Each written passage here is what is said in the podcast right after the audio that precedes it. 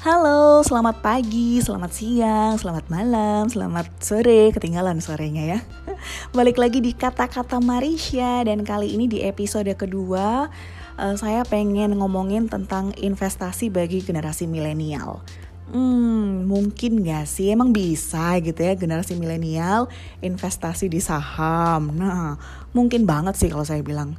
Untuk kamu generasi milenial yang belum berpenghasilan besar gitu ya, tapi pengen dicap menantu idaman sama calon mertua, wah saatnya show off nih dengan nunjukin komitmen kamu untuk ngebahagiain calon keluarga kamu di masa depan ya. Salah satunya adalah punya tabungan atau lebih pasnya punya investasi saham meskipun kecil-kecilan.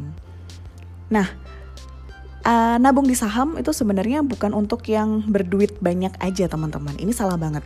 Karena untuk investasi di pasar modal atau di Bursa Efek Indonesia, kamu ini cukup punya uang 100 ribu aja udah bisa buka rekening untuk investasi saham. Nah, dari 100 ribu tadi nih, saham itu harganya mulai dari 50 rupiah per lembar nih FYI ya. Jadi minimal pembelian saham itu satu lot. Satu lot sekarang itu adalah 100 lembar saham. Jadi dengan uang 5000 rupiah, kamu udah bisa beli satu lot saham dengan harga minimum.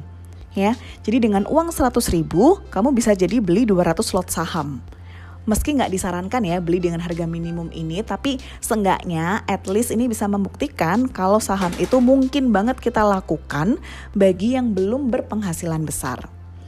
Nah, terus ada pertanyaan lagi nih, kalau mau nabung saham harus langsung pergi ke Bursa Efek Indonesia ya?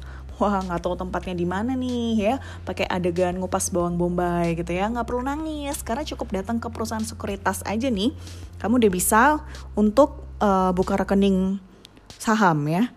Nah, perusahaan sekuritas ini mirip sama bank. Tapi tugasnya adalah untuk kalian yang pengen memang investasi saham. Silakan datang ke sana, prosesnya hampir mirip kayak buka rekening di bank ya. Terus uh, atau nih yang lebih gampang lagi kamu bisa langsung uh, datang ke galeri, galeri investasi yang ada di kampus kamu. Misalnya kalau di kampus saya ada ya di Universitas Internasional Semen Indonesia. nah, habis itu kamu bisa langsung trading atau investasi dan nabung di aplikasi yang mereka sediakan. Oke, sekali lagi nggak perlu datang langsung ke bursa efek ya karena mereka juga nggak akan melayani sebenarnya. Well, bagaimanapun juga nabung dan berinvestasi di saham itu pasti berbeda sama nabung uang di rekening bank pada umumnya ya. Jadi yang namanya nabung saham itu tetap muncul resiko teman-teman nilai saham itu nggak selalu akan bertumbuh. Bisa jadi turun karena memang lagi trennya gitu ya secara market turun gitu ya. IHSG lagi turun kayak yang lagi terjadi sekarang karena pandemik COVID-19 ini atau emang tren yang lagi turun itu untuk uh, untuk saham emiten tersebut.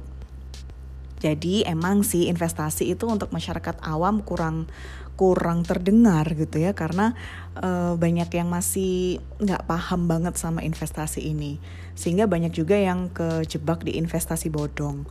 Buat kalian yang udah tahu hati-hati ya kalian harus pintar memilih untuk investasi yang tepat. Kalau memang pengen lebih dari sekedar menabung di bank.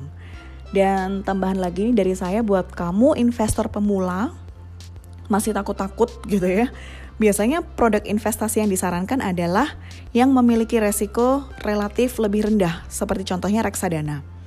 Uang yang kamu investasikan tuh bakal dikelola sama mereka yang berpengalaman atau sama si manajer investasi gitu ya dan dana kamu tuh akan diinvestasikan ke, ke mereka di beragam tempat kayak misalkan di deposito, di obligasi dan di saham itu sendiri.